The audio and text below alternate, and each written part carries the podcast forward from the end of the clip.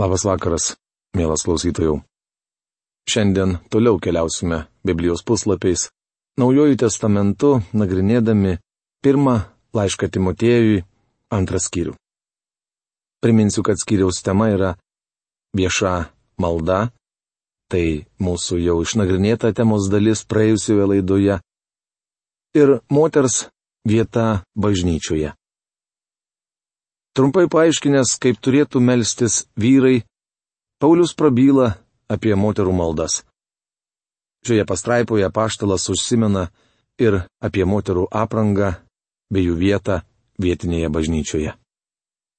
Paprašykime, kad Dievas padėtų mums suprasti jo žodį.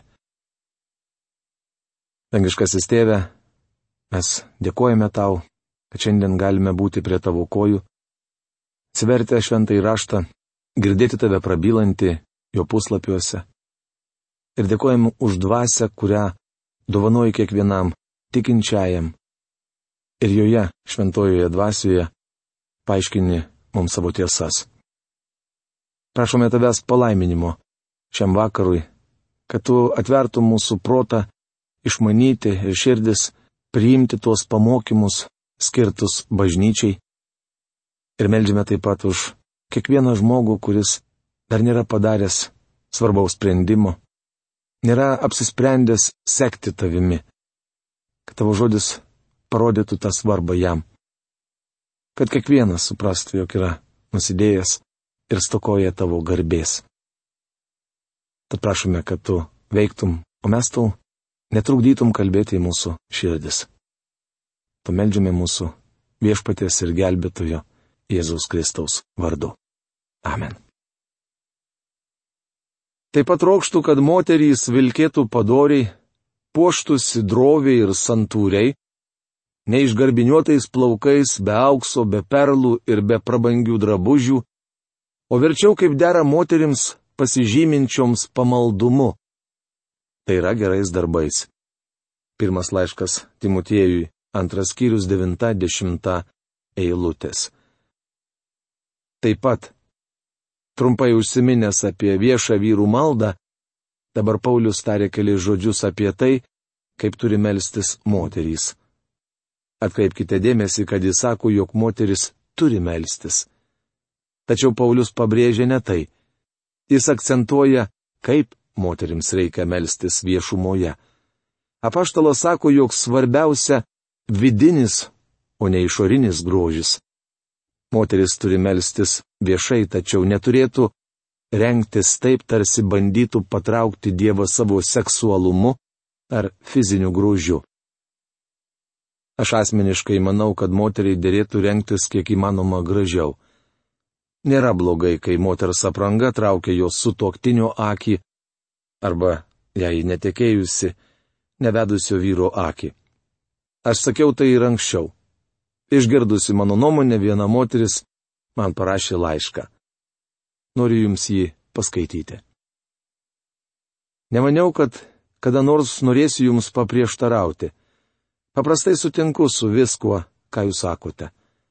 Tačiau baigdamas komentuoti patarlių knygą, jūs palėtėte skaudžią temą. Ragindamas jaunuolius teisingai pasirinkti žmoną, sakėte, svarbiausia, kad ji būtų krikščionė. Aš su tuo sutinku. Bet vėliau pridūrėte, jei įmanoma, išsirinkite gražią. Daktarė Magi, ar manote, kad tai teisinga? Juk neišvaizdžių, paprastų, nieko neišsiskiriančių merginų ir moterų yra kur kas daugiau negu gražuolių. Ką jos darytų, jei vyrai rinktųsi tik princeses? Aš pati esu viena iš tų neišvaizdžių moterų ir Esu be galo laiminga, kad mano vyras nesirinko gražuolės. Antrai būčiau praradusi 25 laimingo santuokinio gyvenimo metus. Aš nepykstu ant jūsų, juk jūsų dėka išmokau tiek daug gilių Dievo žodžio tiesų. Tik manau, kad turėtumėte užtarti tas iš mūsų, kurių viešpats nepalaimino fiziniu grožiu.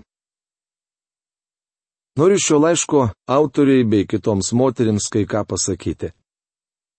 Ar kada susimastėte, kad tuo met, kai jūsų vyras jūs pamilo, jūs atrodėte jam graži? Patikėkite, tai tiesa.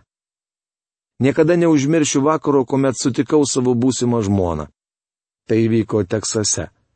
Mūsų bendri draugai pakvietė mus pietų. Tiesą sakant, jie samoningai stengiasi suvesti mūdu į pažintį. Aš nenorėjau eiti pas juos į svečius, nes tą vakarą buvau numatęs susitikimą Fort Worth'e. Mano busimoji žmona taip pat nenoriai priėmė kvietimą pasisvečiuoti pas draugus, nes ketino susitikti su kitu vaikinu. Tačiau kai išvydau ją tą neužmirštamą vakarą, jos tamsus plaukai ir rudos akis sužavėjo mane. Žvelgdamas į savo būsimą žmoną, žvakių šviesoje ją pamilau. Pasipiršau jai jau antro pasimatymo metu. Kodėl ne pirmo? Nenorėjau, kad ji pamanytų, jog aš skubinu įvykius. Jai niekada nebuvo tekę laimėti grožio konkurso, tačiau ji buvo graži.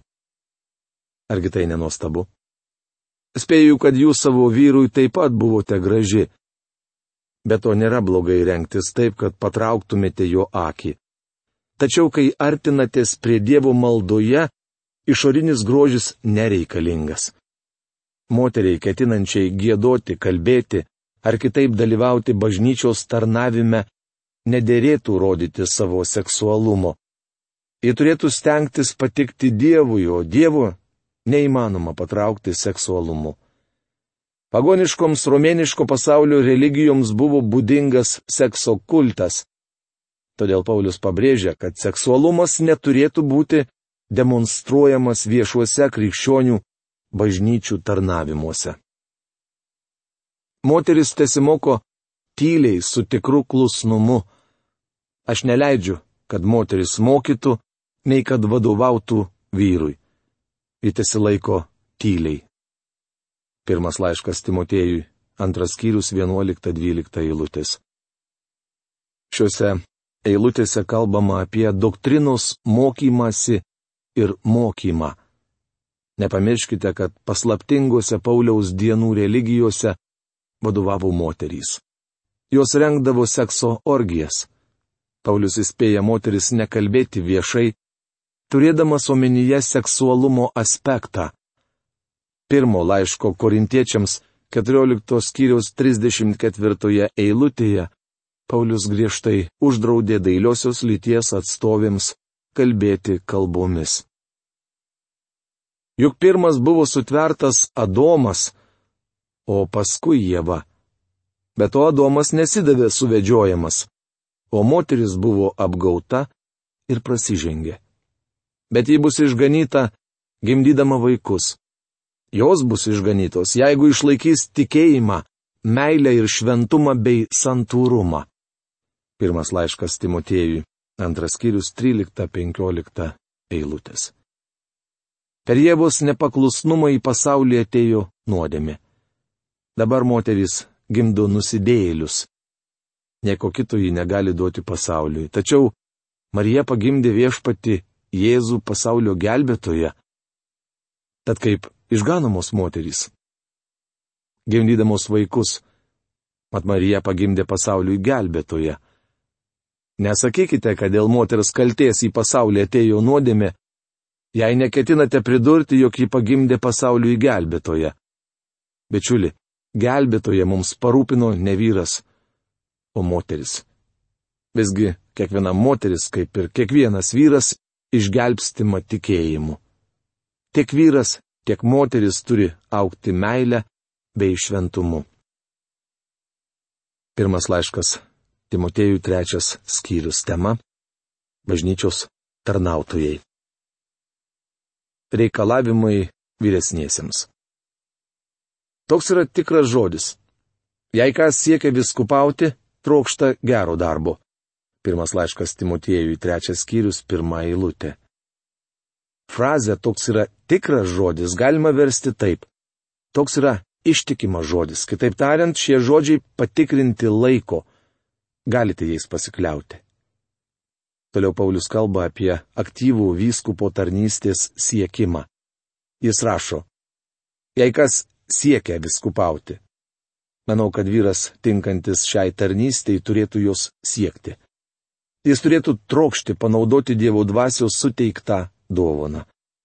Tačiau jei vyskupo vietą užims vyras, kuris neturi Dievo dvasios dovanos ir nėra jos vedamas, įvyks tragedija. Beje, iš skaitytos eilutės galima padaryti išvadą, kad bažnyčioje buvo ne vienas, o keli vyskupai.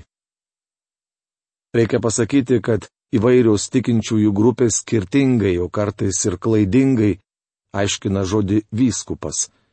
Šį žodį ypač sureikšmina episkopalinės bažnyčios valdymo formos šalininkai.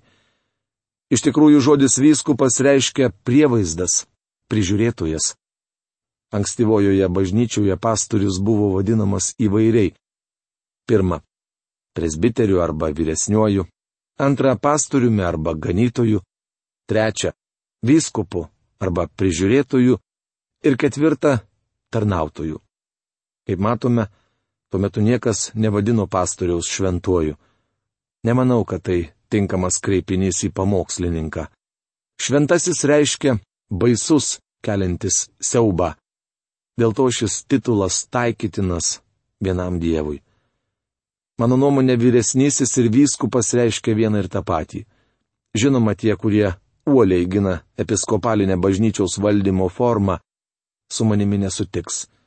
Manau, kad graikų kalbos žodis presbuterus į lietuvių kalbą verčiamas žodžiu vyresnysis apibūdina tarnaujantį asmenį ir nurodo, jog jis turi būti subrendęs krikščionis. Tuo tarpu graikų kalbos žodis episkopos verčiamas kaip vyskupas. Taikomas pačiai tarnystei. Taigi šie du žodžiai apibūdina tą patį žmogų ar tą pačią tarnystę. Ankstyvojoje bažnyčioje vyskupas neturėjo valdžios kitiems vyskupams ar vyresniesiems. Dievo žodyje neminima, kad jis valdė kitas bažnyčias. Net Paulius įsteigęs daugelį bažnyčių nevadino savęs bažnyčiaus vyskupu ar kokiu nors jos valdytoju. Tarnautojas privalo nevaldyti bažnyčią, o jai tarnauti. Žodžiai trokšta gero darbo reiškia, kad būsimas vyskupas siekia pareigų, padėsiančių jam geriau tarnauti bažnyčioje. O vyskupas turi būti nepeiktinas, tik kartą vedęs, blaivus, protingas, padorus, svetingas, gebas mokyti. Pirmas laiškas Timotiejui trečias skyrius, antra eilutė. Čia išvardyti pozityvūs reikalavimai, tai yra apibūdinta, koks turėtų būti vyskupas. Apaštalas Paulius rašo, kad jis visų pirma turi būti nepeiktinas. Reikia pažymėti, kad bažnyčios tarnautojas, nesvarbu, ką bedarytų, neišvengs kaltinimų ir papeikimų, tačiau svarbiausia, kad kaltinimai nebūtų pagrysti. Vyresnysis privalo išlikti nepeiktinas, tai yra neturi būti kaltas dėl to, kuo yra kaltinamas. Netrukus po to, kai pradėjau tarnauti Los Andželo centre įsikūrusioje bažnyčioje, lankydamasis Čikagoje, sutikau daktarą Jamesą McGinley. Jis paklausė manęs, kaip tau patinka pasturiauti didelėje bažnyčioje? Tai nuostabi proga, atsakiau aš. Tačiau sulaukiau daug nepagristų kaltinimų. Negaliu nuolat teisintis, tad nusprendžiau skelbti Dievo žodį ir neatsakinėti tiems, kurie mane kaltina. Daktaras Maginlis tarė, tiesiog džiaugis, kad visa tai, kuo esi kaltinamas, nėra tiesa. Iš tiesų gera tai žinoti. Apaštalas Paulius rašo, kad vyskupas turi būti nepeiktinas, tai yra kaltinamas, bet nekaltas. Frazė tik kartą vedęs pažodžiui reiškia vienos žmonos vyras. Ja galima aiškinti dviejopai. Šie žodžiai gali reikšti, kad vyskupas turi būti vedęs. Manau, tai ir turėjo omenyje Paulius. Galbūt pasakysite, pats Paulius nebuvo vedęs. Aš laikausi nuomonės, kad buvo vedęs. Bet jo žmona buvo mirusi. Antraip jis nebūtų galėjęs tapti Sinedriono nariu. Antrą kartą apaštalas nevedė tikriausiai dėl to, kad jam reikėjo daug keliauti. Kai pradėjau tarnavimą, buvau nevedęs. Mano draugas dažnai juokaudavo, kad aš neturiu teisės būti pastoriumi, nes esu viengungis. Remdamasis šią eilutę jis sakydavo, turi būti vienos žmonos vyras. Tačiau aš manau, kad apaštalas visų pirma turiu omenyje tai, kad vyskupas arba vyresnysis negali turėti dviejų žmonų. Skaitant šio žodžiu svarbu prisiminti, kad Pauliaus dienomis buvo labai populiari poligamija, o ypač bigamija. Taigi apaštalas pabrėžia, kad bažnyčiaus tarnautojas turi būti vienos žmonos vyras. Toliau Paulius rašo, kad vyskupas turi būti blaivus. Kostas burbulys šį graikų kalbos žodį verčia žodžiu santūrus. Kitaip tariant, vyresnysis turi būti susitvardantis ir nelengvatikis. Jis privalo mokėti gesinti savo aistras. Protingas reiškia blaivaus proto arba rimtas. Tai žinoma nereiškia, jog vyresnysis negali turėti humoro jausmo. Tačiau į savo tarnystę jis privalo žiūrėti rimtai. Bet to vyresnysis turi tinkamai elgtis ir nedaryti to, kas abejotina. Pažįstu tarnautoją, kuris dėl savo neatsakingo elgesio prisivirė daug košis. Pasklido gandai, kad jis užmėsgė romaną su viena iš savo bažnyčios moterų. Aš esu įsitikinęs, kad jis nekaltas, bet informaciją apie tai išgirdau iš skirtingų šaltinių. Tai rodo, kad vyrukas iš tiesų elgesi neatsakingai. Jis buvo jaunas tarnautojas ir dažnai pasibaigus viešam bažnyčios susirinkimui juokaudavo. Vežu namo svetimą žmoną. Jis atveždavo moterį iki jos namų durų, o tuomet pats grįždavo namo. Jis darė tai juokaudamas, tačiau kai kurie žmonės ėmė šnapždėtis ir kraipyti galvas. Mano nuomonė, tarnautojo elgesys turėtų būti be priekaištų. Jokauti nėra blogai, tačiau tai neturėtų skatinti abejotinų veiksmų. Apaštalas Paulius rašo, kad vyresnysis turi rodyti svetingumą savo pastoriui ir kitiems bažnyčios nariams.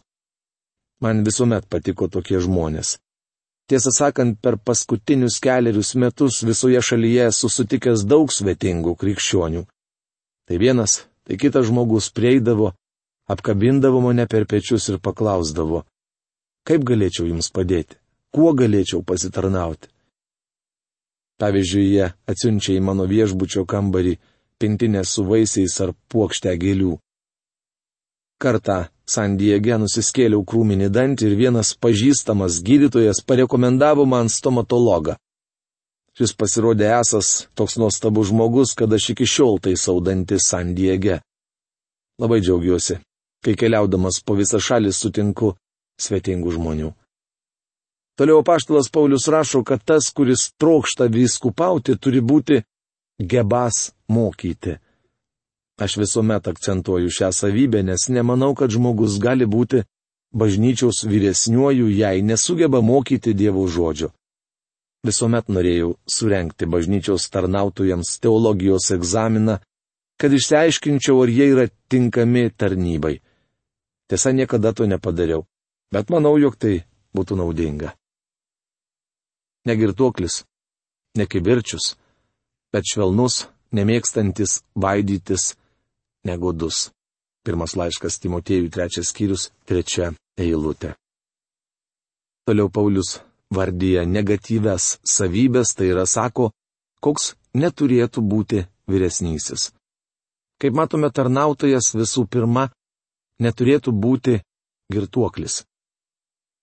Ne kivirčius arba, kaip verčia profesorius Algirdas Jurienas, nemušeika, tai yra jis neturi būti smurtininkas. Bet švelnus, tai yra nusaikus, prieinamas žmogus, su kuriuo būtų galima pasikalbėti nemėgstantis vaidytis. Vyrai nuolat bendruomenėje kurstantys nesantaiką neturėtų eiti bažnyčios tarnautojų pareigų. Paulius rašo, kad tarnautojas neturi gvieštis pinigų, nes, kaip šio laiško šeštos kiriaus dešimtoje eilutėje rašo apaštalas Paulius, meilė pinigams yra visų blogybių šaknis. Netinkamai elgdamasi su pinigais, tiek savo, tiek bažnyčios, Tarnautojas gali patekti į rimtą bėdą. Godumas yra stabmelystė. Nežmogus ima garbinti pinigus. Vyresnysis neturėtų vaikytis turto ir materialinės gerovės. Geras savo namų šeimininkas, turintis klusnius ir tikrai durus vaikus. Pirmas laiškas Timotiejui trečias skyrius, ketvirta eilutė. Kai matome, vyresnysis turi būti autoritetas savo šeimai, tačiau jokių būdų ne diktatorius. Jei kas nesugeba šeimininkauti savo namuose, tai kaipgi jis pasirūpins Dievo bažnyčią. Pirmas laiškas Timotiejui, trečias skyrius, penkta eilutė. Kas nemoka šeimininkauti savo namuose, nesugebės tvarkytis ir Dievo namuose. Viskupas neturi būti naujatikis, kad nepradėtų didžiuotis ir nepakliūtų į velnio teismą. Pirmas laiškas Timotiejui trečias skyrius šešta eilutė. Žodžiai vyskupas neturi būti naujatikis reiškia, kad jis neturi būti neseniai išgelbėtas arba atsivertęs. Kartais vos prieš savaitę įtikėjęs žmogus paskiriamas bažnyčios tarnautojų ar paprašomas pasidalinti savo liudijimu. Akivaizdu, kad jis tam dar nepasirengęs, todėl reikėtų vengti tokio skubotumo. Keletą metų turėjau garbės grupelę Hollywoodo krikščionių mokyti Biblijos tiesų. Jie labai norėjo suteikti žodį vienai neseniai Kristų prieimusiai įžymybei. Tačiau noriu Jums pasakyti, kad naujatikiai kalbėdami apie doktriną, kurios neišmano, tik kenkia Kristaus reikalui. Toje pačioje eilutėje Paulius paaiškina, kodėl vyskupas neturėtų būti naujatikis. Kad nepradėtų didžiotis ir nepakliūtų į velnio teismą. Didybė buvo didžioji velnio nuodėmė. Beje, jį populiari ir tarp bažnyčios tarnautojų bei pamokslininkų. Šios nuodėmės turėtume sergėtis visi, tačiau ji ypač nepriimtina bažnyčioje. Bet to jam privalu turėti gerą vardą tarp svetimųjų, kad nebūtų niekinamas ir neįkliūtų į velnio žabangus. Pirmas laiškas Timotiejui, trečias skyrius, septinta eilutė. Frazė tarp svetimųjų reiškia tarp tų, kurie nepriklauso bažnyčiai.